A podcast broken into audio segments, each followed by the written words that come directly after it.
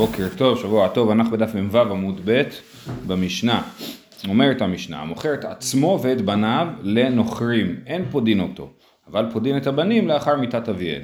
כן, אדם שמכר את עצמו לגויים, אז אה, אנחנו לא, לא עוזרים לו, אבל אחרי שהוא נפטר, אז פודים את ילדיו. אמר רב אסי, והוא שמכר ושנה ושילש. זאת אומרת, מדובר, אם בן אדם פעם אחת, תוך איזשהו דוחק, חד פעמי, הוא מוכר את עצמו לגויים, בוודאי שכן פודים אותו. אבל אם הוא עושה את זה באופן קבוע, והוא כאילו בונה על זה שאנחנו כל פעם נעזור לו, אז אנחנו מפסיקים לעזור לו. אמ, אוקיי, אנו בני בי מכסי דיאז זוזי מגויים, ולא אבה להו למפרעינו. כן, היו אנשים ממקום שנקרא בי מכסי, והם היו אה, לווים כסף מהגויים, ואז היו חייבים להם כסף, ולא הצליחו לפרוע. וכגר בלאו, ואז חטפו אותם, תפסו אותם, כמו אצל הפריץ באירופה, ככה גם היה בבבל, כן, מי שלא שילם חטפו אותו. אתו לקמי דרבונה, אמר לו, מה יעבד לכו? דתנן המוכר את עצמו ואת בניו לגויים, אין פודין אותו. אומר, מה אני יכול לעשות? אתם, אה, כתוב שלא פודין. אמר לרבי אבא, לימדתני רבנו, והוא שמכר ושנה ושילש. אבל אומר לו, אתה בעצמך, לימד, אתה בעצמך לימדת אותי שזה דווקא מי, מי שמכר ושינה ושילש. אמר לי, הני מירגל רגילי דעבדי אחי. אומר, זה לא פעם ראשונה שלהם, זה ככה הם רגילים ואני לא עוזר להם יותר, אה, בגלל שהם עושים את זה כל פעם מחדש. אה, ההוא גברא דזבין נפשי ללודאי. עכשיו לודאי של פעם זה הקניבלים של, של היום. תיקון העולם? כן, זה, זה בתוך המערכת של תיקון העולם, לכאורה. אמ, כן. כי נכון, גם אם אדם מכניס את עצמו למצב לא רצוי, כן. אבל יש חובה כל פעם. לא, אבל, אבל, אבל אז זה תיקון העולם. נכון, אז זה תיקון העולם, כי אנחנו לא, אי אפשר להעמיס על הקהילה באופן הזה, כאילו, שכל פעם מחדש נצטרך לפדות אותו. אמ, אוקיי, ההוא גבר לזבי נפשי ללודאי, אז הוא מכר את עצמו לקניבלים, שיאכלו אותו, כן? אתא לקמיה דרבי אמי, אמר ליה פרקן, אז הוא הגיע לרבי אמי ואמר לו, יאללה תפדה אותי, כי אני מכרתי את עצמי לקניבלים, ללודאי. אמר ליה, תנן המוכר את עצמו, המוכר עצמו ואת בניו לעובדי כוכבים, אין פודים אותו, אבל פודים את, את, את הבונים, סליחה, יש פה בעיה קצת בנוסח, אז אני, אני אקרוא שוב פעם. אמר ליה פרקן, אמר, אני מוחק את הליה, זאת אומרת הוא ממשיך לטעון את הטיעון שלו, אותו, אותו אדם. אה, אמר תנן, מוכר את עצמו ואת בניו לעובדי כוכב, לגויים, אין פודים אותו, אבל פודים את הבנים, משום קלקולא. למה פודים את הבנים לאחר מיתת אביהם? משום קלקולא. כל עוד האבא בחיים הוא ישמור על הילדים שימשיכו להיות יהודים. ברגע שהאבא נפטר והילדים האלה נמצאים אצל גויים, אז אנחנו דואגים להם שהם אה, אה, לא, אה, לא, יכול, לא יקבלו חינוך טוב. ולכן משום קלקולא אנחנו פודים אותם שלא יתקלקלו. וממשיך אותו אדם שטוען לפני רבי עמי ואומר וכל שכן האחד איכא קטלה אם בשביל קלקול אתה משחרר את הילדים אז קל וחומר בשביל המצב שאני נמצא בו שאני הולך למות. שהולכים להרוג אותי ולאכול אותי. אמרו לי רבנן לרבי עמי. אז אה, רבי עמי כנראה נת, נטה לקבל את דבריו אבל התלמידים שהיו שם אמרו היי ישראל מומרו או משומדו דקחזו לי דקאכיל נבלות וטרפות הוא אוכל נבלות וטרפות היהודי הזה, הוא בכלל לא מתנהג כמו יהודי. אמר לו, אימה לתיאבון הוא דקה אכיל, אולי הוא מומר לתיאבון ועדיין אנחנו כן נהיה אה, אה, אחראים לטפל בו, לעזור לו. אמרו לי, והזימנין דאיכא לתרא ואיסור קמי ושבי כתרא ואכיל איסור. מה ההבדל בהגדרה בין מומר לתיאבון למומר לאכיס? המומר לתיאבון הוא שביק איסור ואכיל לתרא. אם יש לו מתי המומר לתיאבון מה הקטע? שהוא מומר לתיאבון, הוא, הוא מומר כי אין לו מה לאכול, אז הוא אוכל את הנבלה. אבל כשיש לו נבלה וכשרה, אז הוא בוחר בכשרה, הוא שביק איסורה, עוזב את האיסור ובוחר בהיתר. אבל היהודי הזה עובד הפוך, הוא שביק היתרה ואכיל איסורה, הוא עוזב את ההיתר ובוחר באיסור. אז סימן שהוא לא מומר לתיאבון, אלא מומר לאכיס, ולכן מומר לאכיס אנחנו לא, לא צריכים לפדות אותו. כן? זה הדין שהם אומרים לו. נגיד, לא חייבים. אבל מותר? אה, זו שאלה טובה, כי רש"י מקשר את זה לדיבור של, אה, אה, כתוב אמר למורידין ולא מעלין, כן, במומר לאחיס, המינים, כתוב על המינים, ומומר לאחיס הוא כמו מין, שכתוב מורידין אבל לא מעלין, זאת אומרת אנחנו לא, אנחנו כאילו לא צריכים לעזור להם, ההפך הוא הנכון, אנחנו צריכים לא לעזור להם. ואם נגיד הוא במשפחה עשירה, ויש לו איזה דוד עשיר שרוצה לפדות אותו, אסור לו? לא יודע. אני לא יודע. לכ- שוב, לכאורה הדין המציא פה שזה מורדין ולא מעלין. אני חושב שזה מורדין לו ולא מעלין, זה אומר כאילו אם יש בור, אני מוריד אותו לבור, אבל אני לא עוזר לו לצאת מהבור. אה, אבל אם זה היום, בכלל לא יודע אם זה שייך היום, מהרבה סיבות זה לא שייך היום. אה, אוקיי, אז זה, הוא אמר לו, זיל לא קש שבקי לי דאפרקינך, אני מצטער מאוד, אני לא יכול לעזור לך, לא נותנים לי פה, כולם מספרים לי עליך סיפורים, אתה לא מכחיש כנראה גם, אז אה, אה, אי אפשר לעזור לך. עכשיו סיפור אה, אה, מפורסם, תמוה ומפורסם, ריש לקיש זבין נפשי ללודאי, ריש לקיש היה מאוד מאוד עני, אז הוא החליט למכור את עצמו ללודאים, לקניבלים האלה, כן? תוספות אומר שזה היה לפני שריש לקיש חזר בתשובה. שקל בעדי חייתא וגלגלתא, הוא לקח איתו חייתא שזה שק וגלגלתא שזה אה, כנראה איזה גוש אבן או גוש עופרת, משהו כבד כזה.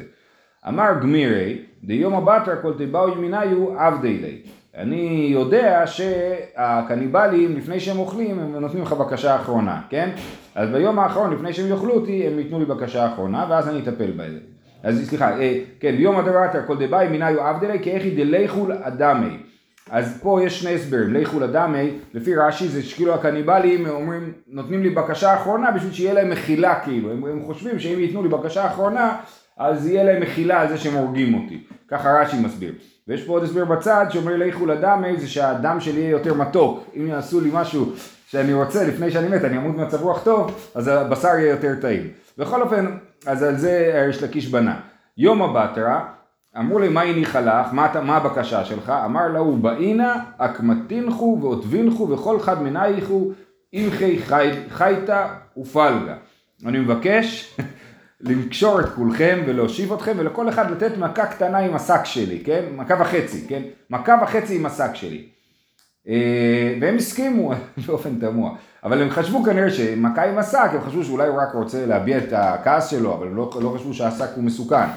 קמתינו והודבינו כל אחד מניו, אה, זה, קמתינו והודבינו, אז באמת אה, הוא קשר אותם והושיב אותם, כל אחד מניו קדמחי, אחד חייתא נפק נשמתי, כן, כל אחד כאשר הוא קיבל את המכה אה, אה, אה, הוא מת, כן? רב שליקיש היה חזק, ה- הגלגלתא הזה היה כנראה מאוד כבד וכואב, וככה הוא הרג אותם אחד אחד. וחוץ מזה, יש לגיש היה חזק. כן, כן, יש לקיש היה מאוד חזק, והם לא ציפו לזה גם, כן. חרקיני לשיני, עכשיו פה לא ברור, חסר כמה מילות קישור, אבל לכאורה כנראה היה איזה אחד ש, שהצליח אה, להישאר בחיים, וחרק בשיניו, אז יש לקיש אומר לו, אחוכי כמחייך בי, הכתי פשטך גבי, פלגה דחייתא, אל תשכח שסיכמנו על מכה וחצי, ולא על מכה אחת. ולכן, כיוון שסיכמנו על מכה וחצי, יש לי עוד חצי מכה לתת לך, וקטלינו כולו, והוא הרג את כולם, נפק ועתה, וכך הוא ניצל מהעניין הזה. אבל למה הוא מכר את עצמו? בגלל שלא היה לו כסף. כן, כן, מה זה עוזר עכשיו? שכנראה הם נתנו לו קצת כסף כשהוא מכר את עצמו, זה מה שאני מבין. ש... כאילו מה זה מכר את עצמו? הוא מכר את עצמו בכסף. אוקיי, עכשיו באופן כללי כך הוא היה מתנהל בחיים בחוסר אחריות כלכלית, יתיב כאכיל ושתי. כנראה שזה לא המשך ישיר של הסיפור ברצף, אלא מספרים על ריש לקיש. שהוא היה יושב, מה שהוא היה עושה עם הכסף שלו זה לאכול ולשתות. אמר לי ברתי לו בית מידי למזגה לי, אולי תקנה מיטה, מצעים, משהו. רק אתה אוכל ושותה עם הכסף. אמר לה, אמר לה ביתי קרסי קרי, הכרס שלי, אני דואג לכרס שלי שתהיה גדולה ואז הכרס היא, היא הכרית שלי. אה, אה, כי נח נפשי, כאשר הוא נפטר, שווק קווה דמוריקה, כל מה שהוא השאיר אחריו זה היה קווה דמוריקה, אה, אמרנו שזה איזה מין כיכר של כרכום, זאת אומרת תבלין, בקיצור, מעט מאוד הוא השאיר אחריו, ועדיין קרא נפשי ועזבו לאחרים חילם. ועדיין הוא אמר לעצמו את הפסוק ועזבו לאחרים חילם, הוא אומר איך, איך, איך אה, אה, לא הצלחתי לגמור את כל הכסף עד הסוף, כן? הוא ניסה, השאיר לעצמו רק איזה חתיכת תבלין, אה, וזהו. טוב, סיפור תמוה, אבל זה הסיפור, ויש לא, את זה לא היה לו- מצויר משל שי צ'רקי, אני מי שרוצה. לא היה לו אפשרות להשאיר. אה, שום דבר. בגלל שרב אה, רבי יוחנן רבי יוחנן הקפיד עליו, נפטר פתאום. נפטר פתאום, נכון? כן. וגם באמת אשתו, אשתו הולכת לרבי יוחנן, אומרת לנו כלום. אז הוא אומר לה, אל תדאגי, אני אדאג לה. כן. טוב, המשנה הבאה, המוכר צדהו לגויים, לוקח ומביא ממנו ביקורים מפני תיקון העולם. אז פה המשנה, אה, שוב, על תיקון העולם, לפי הנוסח של המשנה שיש כרגע מולנו, מה אנחנו רואים? שמי שמוכר את שדהו לגוי, הוא גזרו עליו שהוא צריך כל שנה לקנות ביקור, את הביקורים מהגוי ולהביא אותם לבית המקדש בתור ביקורים. מפני תיקון העולם, ומה תיקון העולם בזה? שהוא, אה, אה, שהוא אה, צריך, אה, זה כאילו יגרום לו לקנות חזרה את השדה, זאת אומרת כל, לא לאבד את הקשר עם השדה, ובעזרת השם כשיהיה לו מספיק כסף הוא יקנה את השדה חזרה, זאת אומרת אנחנו כאילו מתקנים לו משהו שיציק לו בשביל שיהיה לו אינטרס לקנות חזרה את השדה. זה בארץ או בחוץ? זה בארץ, בארץ, ביקורים זה רק בארץ. אז איך אפשר למכור? אה, מפני, אה, אולי אסור למכור, אבל הוא עשה את זה, אתה צודק בשאלה שלך. אה, בכל אופן, אז זה, עכשיו, יש נוסח נוסף, כן, ש... אה, זה מופיע? חזר ולקחה ממנו ישראל. המוכר את שדהו לגוי, חזר ולקחה ממנו ישראל, לוקח ומביא ממנו ביקורים מפני תיקון העולם. זאת אומרת, לפי הנוסח השני מדובר פה על שדה שנמכרה לגוי, ויהודי אחר קנה אותה מהגוי, ועכשיו אנחנו אומרים על יהודי השני שהוא צריך להביא ממנה ביקורים. שזה תיקון העולם, שלהגיד שאתה לא אומר שה, שברגע שהגוי ייכנס לשדה אז זה פקע ממנו קדושת הארץ, אלא אה, אה, אתה באמת יכול, אחרי שהיהודי קונה חזרה את השדה, אז זה חוזר לקדושתו. אולי זה מוכיח שזה רק לפירות. אה, גם הוא לא אמר. כאילו רק לשימוש, אבל לא הקרקע עצמה. יכול להיות שזה, שזה הסבר לעניין, כן. טוב, אז הדבר הזה מוביל אותנו למחלוקת מאוד אה, מפורסמת.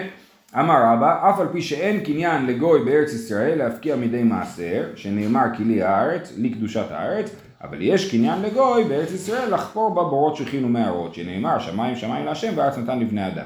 אז זאת שיטת רבא. שיטת רבא היא שהגוי, שהוא קונה את הקרקע בארץ ישראל, הוא לא מפקיע אותה מקדושתה מדי מעשר. זאת אומרת שאם אני קונה פירות מגוי, שגידל אותם בארץ ישראל, אני עדיין צריך להפריש מהם תרומות ומעשרות. זה זה שבועות של גוי, זה לא פוטר אותם מתרומות ומעשרות. לא נכון? שנייה, אנחנו, יש פה מחלוקת, אנחנו נסביר הכל. אז הוא אומר, אה, אה, אבל לעומת זאת, יש קניין לגוי בארץ ישראל לחפור בבורות שוכין ומערות, כן? אז אין לו קניין אה, להפקיע מקדושתה, אבל יש לו קניין לעשות שם מה שהוא רוצה בשדה. וזה היחס בין הפסוק כי לי הארץ, לבין הפסוק השמיים שמיים להשם והארץ נתן לבני אדם. לרבי אלעזר אומר בדיוק הפוך, אף על פי שיש קניין לגוי בארץ ישראל להפגיע מדי מעשר שנאמר דגנך ולא דגן גויים, אבל אין קניין לגוי בארץ ישראל לחפור בבורות שכינו מערות שנאמר להשם הארץ ומלואה. זאת אומרת לפי רבי אלעזר, הגוי שקונה את הקרקע כן מפקיע אותה מקדושתה והפירות לא חייבים בתרומות ומעשרות, אבל הוא, יש, זה מאוד מעניין שיש עליו איסור לחפור שם בורות שכינו מערות, זאת אומרת שגוי קונה קרקע בארץ ישראל אסור לו לחפור שם בורות שכינו מערות. במאי כמפלגי, מר סבר דגנך ולא דגן גויים, ומר סבר דיגונך ולא דיגון גויים. מה, מה זה אומר? אז אמרנו, הראשון רבי אלעזר אמר דגנך ולא דגן גויים, כן? אה, אה, ש- שהפסוק אומר, אה, שנייה, איפה זה? לא, הוא לא, לא מביא את זה. אה, אה, כן, אז הפסוק שבו כתוב להפריש תרומות ומעשרות, כתוב דגניך. דגניך זה הדגן שלך, והדגן של הגויים הוא לא דגן שלך, ולכן זה פטור. זאת שיטת רבי אלעזר. ורבא, שאמר שהפירות של הגוי כן חייבות בתרומות ומעשרות, זאת אומרת דיגונך ולא דיגון גויים. מה זה דיגון? דיגון זה ברגע שהדגן הופך לדגן באמת, זאת אומרת לאחר אה, מה שנקרא מרוח הקרי. זאת אומרת, אחרי שאני טיפלתי בתבואה, אז אה, אה, אני, אה, אה, כנראה זה אפילו אחרי הדישה, אני מארח את הקרי, אז זה השלב שקובע האם זה חייב בתרומות ומעשרות או לא. אז אם הגוי, יש לו שדה בארץ, והוא אה, דאג לפירות והביא אותם למצב של גמר מלאכה, אז זה באמת כן פטור מתרומות ומעשרות. אפילו לפי רבא, שאומר שאין קניין לגוי בארץ ישראל, אז הוא אומר, אבל אם הגוי עשה את מרוח הקרי, זה פטור מתרומות ומעשרות. לעומת זאת רבי אלעזר אומר לא, אם הגוי עשה, זה לא משנה אם הגוי עשה את המרוח הקר או לא, אם הקרקע עכשיו שייכת לגוי זה פטור. זאת אומרת שיוצא שאם אני קונה פירות מגוי, בכל אופן זה פטור, בגלל שגם הקרקע שלו וגם הוא עשה את הדיגון. זאת אומרת גם הוא סיים את המלאכה של הפירות. אז לכן זה יהיה פטור מתרומות ומסעות בכל אופן. אה, לעומת זאת, אם אני קונה מה, מהגוי את הפירות בשלב מוקדם, זאת אומרת לפני מרוח הקרי, אז אני באמת אהיה חייב להפריש תרומות ומעשרות מהשדה, למרות שהגוי הוא הבעלים שלה. זה ההלכה היום?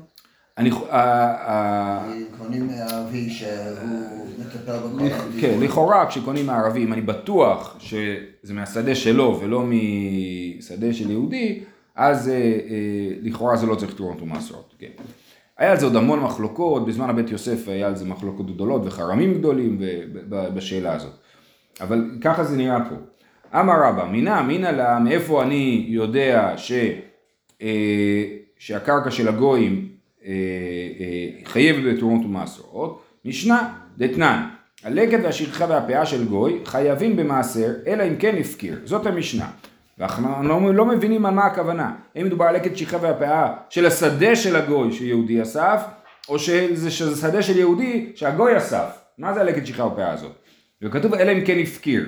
חייבים במעשר אלא אם כן הפקיר. עכשיו באופן בסיסי, כשיש יהודי שמפריש פאה, ויהודי אחר אוסף את זה, זה פטור מתרומות ומעשרות. הפאה פטורה מתרומות ומעשרות. זה, עכשיו פה אנחנו רואים שזה חייב, אלא אם כן הפקיר. שואלת הגמרא, איך היא דמי? באיך מדובר?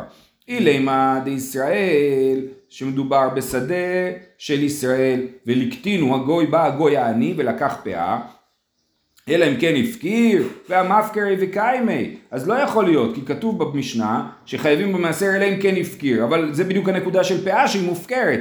אז ברור שהגוי יהיה פטור מתרומות ומעשרות. אז מה את אומרת חייבים במעשר אלא אם כן הפקיר? זה לא מסתדר.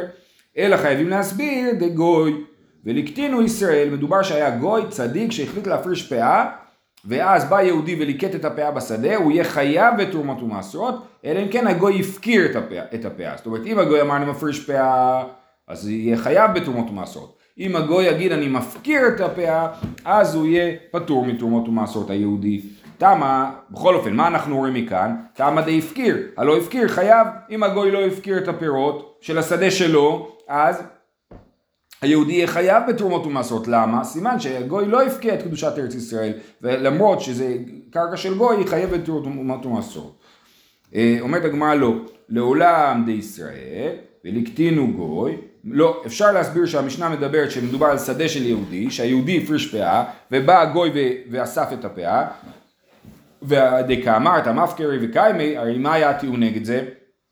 שאמרנו שהמינוח פה, אלא אם כן הפקיר, הוא לא הגיוני, כי, מדוב, כי היהודי בכל אופן כבר הפריש, הפריש פאה, אז הוא אה, אה, הפקיר את זה. אז אומרת, דקאמרת אה, המפקרי וקיימי, זה לא נכון, נאי דמפקרי, הדעת ישראל על דעת דגוי ממפקרי, זה לא בדיוק היה מופקר לגוי. אני הפרשתי פאה, תכננתי שיבואו יהודים ויאכלו מהפירות, כאשר בא גוי ואוכל מהפירות, אז לא בדיוק הפקרתי את זה בשבילו, ולכן זה עדיין פירות של יהודי, ולכן זה יהיה חייב בתרומות ומעשרות, זה לא יהיה הפאה שלי כאילו. אה, אה, וזה החידוש של המשנה, שאם אני, כאילו אם אני בעל השדה, ואני מפריש פאה ואני רואה שהגוי בא לקחת פירות, אז מה, הכי טוב שאני אפקיר את הפירות, בשביל שהם יהיו פטורים מתרומות ומעשרות. אה, בסדר, אז כאילו זאת הייתה ההוכחה של רבא, אבל הבנו איך רבי אלעזר דוחה את ההוכחה, כי הוא הסביר שמדובר על פאה של יהודים ולא על פאה של גוי. תשמע, ישראל שלקח שדה מגוי עד שלא הביא השליש, וחזר ומכרה לו משהביא השליש. היה גוי, היה לו שדה, שהתחילה התבואה לגדול, או אולי זה היה מטע של זיתים, זה לא משנה, אבל הפירות התחילו לגדול, הם עוד לא הביאו שליש, שליש גידול לפני שקנה את השדה, וחזר ומכרה לו מי שהביא השליש. עכשיו השליש הוא שלב משמעותי בשאלת החיוב של הפירות בתרומות ומעשרות. אז אז הוא אומר, אה, אה, לקחה מגוי עד שלא הביא השליש, וחזר ומכרה לו משהביא השליש, אז היא הביאה שליש ביד של היהודי, כאשר היהודי היה הבעלים, חייבת במעשר שכבר נתחייבה. נתחייבה, אם לא נתחייבה לא, אז מה אנחנו רואים? שדווקא אם הביאה שליש בידיים של ישראל, אז זה חייב בתרומות ומעשרות. אבל אם זה היה שדה של גוי לכל אורך הדרך, אז זה יהיה פטור מתרומות ומעשרות. אומרת הגמרא, לא. אחא מעסקינן בסוריה, וכסבר כיבוש יחיד לא שמי כיבוש. יש לנו את סוריה, סוריה זה אה, אה, אזורים הצפוניים של ארץ ישראל, איפה שנמצאת סוריה של היום. לכבוד זה היה איזה טיל שירו אתמול בלילה מסוריה, אז אה, אה, הנה, לכבוד זה. אה, זה התיקון של זה. אז זה, לא, ירו לאיפשהו, זה התפוצץ באוויר, אבל אה, לא קרה כלום. מצאו ברסיסים ברהט. אה, בקיצור, אז, אה, אז אה, ככה, אז דוד המלך כבש את סוריה, מסיבות מסוימות זה נחשב לכיבוש יחיד ולא לכיבוש של עם ישראל, אלא לכיבוש כאילו פרטי של המלך, ויש על זה מחלוקת האם כיבוש יחיד שמי כיבוש או לא שמי כיבוש. אז למאן דאמר שכיבוש יחיד לא שמי כיבוש, אז סוריה לא חייבת בתרועות ומעשרות מדאורייתא, אלא רק מדי רבנן, ולכן זה הסיטואציה. מה שכתוב פה שמדובר על שדה, על, על, על שדה שהביאה שליש שרק אם זה הביא שליש ביד ישראל זה חייב בתרומות ומעשרות, כי זה בסוריה. בסוריה באמת אנחנו חושבים שלגוי יש סמכות להפקיע מקדושת ארץ ישראל. בארץ ישראל גופה הוא לא יכול להפקיע מקדושת הארץ. אבל בסוריה שהיא כיבוש יחיד כן יכול להפקיע מקדושת ארץ ישראל ואז דווקא אם זה סיים ביד גוי. זה ככה רבי אלעזר יעמיד את ה... אה, לא רבי אלעזר, סליחה, רבא. ככה רבא שאומר שאין קניין לגוי להפקיע בארץ ישראל להפקיע מדי מעשר, כך הוא יעמיד את ה... ברייתא הזאת. תשמע, ישראל וגוי שלקחו שדה בשותפות. תבל וחולין מעורבים זה בזה, דיבר רבי. רבן שמעון גמליאל אומר של גוי פטור ושל ישראל חייב. אז מה המקרה? יש לי שותפות עם גוי בשדה. אז המחלוקת שלהם היא, האם אני מסתכל על זה כאילו הפירות שאני קיבלתי, זה, בקיצור, זו שאלה של אם יש ברירה או אין ברירה. האם אני אומר, הפירות שאני קיבלתי בסוף, הם בעצם היו הפירות שלי בהתחלה, והם חייבים בתרומות ומעשרות, והפירות שהגוי קיבל, הם אלה, הם היו של הגוי מההתחלה, ולכן הם פטורים מתרומות ומעשרות. זה השיטה של רבן שמעון גמליאל אומר, נכון? של גוי פטור ושל ישראל חייב. רבי אומר לא, אין ברירה, וכל הפירות האלה זה פירות של תבל וחולין מעורבים זה בזה. זאת אומרת כל אה, תפוח או כל חיטה, כאילו יש בתוכה גם תבל וגם חולין. ולכן אומר רש"י שהפתרון לפי רבי יהיה שיהיה אפשר להפריש תרומות ומעשרות רק מפירות השדה עצמה על השדה עצמה. ואני צריך להפריש על כל השדה ולא רק על החלק שלי. בכל אופן, אה, לענייננו, מה אנחנו רואים באופן ברור? שהפירות של הגוי פטורים מתרומות ומעשרות. אז אנחנו יכולים לומר ש... אה, אה, זה מה שהגמרא אומרת עכשיו, אומר עד כאן לא פליגי אלא דמר סבר יש ברירה ומר סבר אין ברירה אבל דכולי עלמא יש קניין לגויים בארץ ישראל להפקיע מיד מעשר. זאת אומרת רבי לא חולק על רבן שמעון גמליאל שאם היינו יודעים מה החצי של הגוי זה היה פטור. הוא פשוט, והוא גם עובדה שהוא חושב שחצי פטור, רק החצי הוא בתור כל תפוח ותפוח ולא חצי של הפירות, כן? אה, אז ברור שיש קניין לגוי להפקיע בארץ ישראל. אומרת הגמרא עוד פעם, החנמי בסוריה וכסבר כיבוש יחיד לא שמי כיבוש, גם את הברייתא הזאת הוא מעמיד בסוריה ואומר שרק שם הדין הזה נכון, בארץ ישראל הכל יהיה חייב בתרומות ומעשרות כי אין קניין לגוי להפקיע מקדושת ארץ ישראל. אמר רב חייא ברבין, תשמע, המוכר שדהו לגוי לוקח ומביא ביקורים. זה המשנה שלנו. כל הסוגיה הזאת באה לכאן כי זה בהקשר של המשנה שלנו. אה, המוכר שדהו לגוי לוקח ומביא ביקורים מפני תיקון העולם. מפני תיקון העולם אין, מדאורייתא לא הסימן שהשדה הזאת לא חייבת בביקורים מהתורה, היא חייבת בביקורים רק מפני תיקון העולם. סימן שוב שיש לגוי כוח להפקיע את קדושת ארץ ישראל. אומרת הגמרא, אמר רבשי, אה, שתי תקנות אהבו. אומר רבשי, לא הבנת, זה לא עבד ככה. באמת מהתורה זה חייב בביקורים. ואז מעיקר אבו מייטה. אז בהתחלה כשהיהודי היה מוכר את השדה שלו לגוי, הוא היה ממשיך להביא ביקורים מהשדה. ואז מה זה גרם? שאנשים חשבו, אה, זה סבבה למכור לגוי, כי היא עדיין נשארת קדושה, עובדה שאני מבין ממנה ביקורים מהשדה הזאת. ואז היו מוכרים. אז אבו מייטה מדאורייתא, כיוון דחזו דקמיקרי ומזבני דסבר בקדושתה יוקיימן, מה אכפת לנו למכור לגוי אם זה לא מפקיע את הקדושה? אז תקינו להוא דלא ליטו, אז תקנו שאסור להם, שלא יביאו ביקורים, שלמרות שהתורה צריך להביא, חכמים יש כוח לבטל מצוות בשב ואל תעשה, אמרו אל תביאו ביקורים. למה? כדי שתבינו שזה בעייתי למכור לגוי. וכמשתקן, ואז מה היה קורה? כמשתקן ביד עובד כוכבים, ואז באמת היו שוכחים מהשדה, הייתה משתקעת ביד הגוי ולא היו פודים אותה חזרה. אז חזרו, אז ראו שזה הנזק יותר גדול. הדר תקינו להו דלייתו, אז חזרו ותיקנו להם שמפני תיקון העולם שהם כן יביאו ביקורים. זאת אומרת חזרו לדין הדאורייתא. כן, אז התקנה הזאת של תיקון העולם לפי הפירוש הזה היא חזרה לדין המקורי, שצריך להביא אה, ביקורים מהשדה שנמכרה לגוי. זהו, עד כאן הסתיימה הסוגיה הזאת, בעצם בלי מסקנה. הרמב"ם פוסק שאין קניין לגוי להפקיע מקדושת ארץ ישראל, אבל כמו שאמרתי מקודם, הנוסח של המשנה של הרמב"ם הוא לא הנוסח של המשנה שלנו כנראה, ומה שהוא מסביר זה שכשיהודי קונה חזרה שדה מגוי, אז זה חוזר לקדושתה. הוא לא חושב כנראה שכשזה ביד של הגוי יש בזה קדושה. אבל אז באמת אני לא יודע איך הוא קורא את כל הסוגיה, כי אנחנו הסברנו את הסוגיה לפי רש"י, שהשאלה היא האם יש קדושה בזמן שהשדה נמצאת ביד הגוי. ולכ... ולא ברור איך הרמב"ם קורא את הסוגיה, אולי יש לו נוסחים אחרים, אבל אה, אה, זה בעיקרון הדין של הרמב"ם, וכמובן שכתבו על זה המון. אה, טוב, אז יש לנו עוד סוגיה נוספת. איתמר, מוכר שדה הוא לפירות. אני מוכר את השדה רק לפירות, לא... זאת אומרת, אתה יכול לאסוף את הפירות, אבל השדה נשארת שלי. אה, רבי יוחנן אמר, מביא וקורא, יש לקיש אמר, מביא ואינו קורא. האם במצב כזה... לא, לא, לא, ליהודי. האם היהודי שמגדל את הפירות הוא מביא, ביקור, מביא ביקורים וקורא או לא קורא? למה? בגלל שיש לנו אה, במסכת ביקורים אנחנו רואים שכשאדם הוא לא הבעלים של הקרקע אז הוא לא יכול להגיד את האדמה אשר נתת ליישב. במקרא ביקורים, כן, אומרים משקיף המען אה, אה, קודשך מן השמיים, מברך את האדמה, לא זוכר. בקיצור הוא אומר שם תודה על האדמה שהוא, שהוא קיבל. אה, ואז אם הוא אומר תודה על האדמה שהוא קיבל, אנחנו צריכים שיהיה לו אדמה. לכן אם לדוגמה יש לי עץ בתוך שדה שהשדה לא שלי, אז אני לא יכול לקרוא ביקורים. עכשיו השאלה היא מה הדין כאשר אני קניתי את השדה לפירותיה. השדה לא שלי, אבל כל הפירות שלי. אז האם זה נחשב שאני בעלים של השדה או לא נחשב שאני בעלים של השדה? האם אני יכול לקרוא מקרא ביקורים או לא? אז רבי יוחנן אמר מביא וקורא, יש לקיש אמר מביא ואינו קורא. מה המחלוקת? רבי יוחנן אמר מביא וקורא קניין פירות כקניין הגוף דמי, יש לקיש אמר מביא ואינו קורא קניין פירות לאו כקניין הגוף דמי. אה, אה, כן, המחלוקת שלהם האם זה נחשב שיש להם קניין בגוף השדה או לא נחשב לקניין בגוף השדה. וזו שאלה כאילו כללית. עכשיו איפה המקרה הכי קלאסי של קניין פירות? בנכסי מילוג. כאשר אדם מתחתן והאישה הביאה נכסים לזוגיות, אז הנכסים האלה שנקראים נכסי מילוג, הגבר מקבל את הפירות והשדה שייכת לאישה, זאת אומרת הגבר לא יכול למכור את השדה כי זה שייך לאישה, אבל הוא כן יכול לאכול את הפירות של השדה. אז האם אדם שמביא ביקורים מהנכסים של אשתו, הוא מביא וקורא, הוא מביא ואינו קורא, זה בדיוק אותה שאלה. אומרת הגמרא, אי טבעי, לא, סליחה, אי טבעי רבי יוחנן לרש לקיש, ולביתך מלמד שאדם מביא ביקורי אשתו וקורא, הנה אני צודק, הוא אומר לו, תראה אדם מביא ביקורי אשתו וקורא, סימן שקניין פירות כקניין הגוף דמי. אמר לי, שאני אדם, דכתיבו לביתך. למה הוא צריך פסוק? בדיוק בגלל זה שבאמת הוא לא היה צריך להביא, לקרוא, לכן יש פסוק מיוחד שהוא קורא מקרא ביקורים במצב הזה. סימן שבדרך כלל לא קוראים.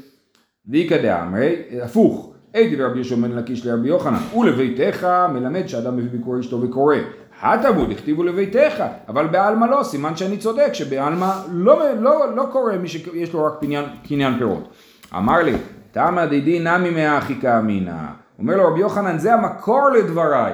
הפסוק הזה מלמד אותי לא ספציפית נקודתית שבעל שמביא נכסי אשתו קורא מקרא ביקורים, מפירות של נכסי אשתו קורא מקרא ביקורים, אלא הפסוק הזה מלמד אותי שקניין פירות כקניין הגוף באופן כללי. זאת אומרת זה לא מקרה נקודתי, אלא זה דוגמה שמלמדת אותי על כל העניין. אי טבעי. פתאום אני אומר, מה, עד לריש לקיש ורבי יוחנן לא ידעו מה עושים? אה, הם, הפוך, יכול להיות שהם איבדו את המסורת, כי לא היה ביקורים כבר בזמנם. כן, לא היה, לא היה. הרבה שנים לא היה. אי טבעי, היה בא בדרך וביקורי אשתו בידו, ושמע שמתה אשתו, מביא וקורא. אה, אז מה אנחנו רואים? שהוא הולך להביא ביקורים ושמע שמתה אשתו. זה מאוד מעניין מה בדיוק קרה פה, כאילו הוא צריך לחזור הביתה, להישבת שבעה קודם, לכאורה לפני שהוא מביא ביקורים, אבל בכל אופן הדין הוא שהוא מביא וקורא. מה אנחנו לומדים מזה? שרק אם היא מתה אז הוא מביא וקורא, אבל אם היא לא מתה אז הוא מביא, אז הוא מביא ואינו קורא כנראה.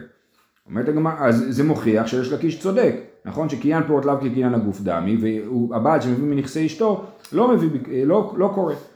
אה, אה, זה הולך לילדים?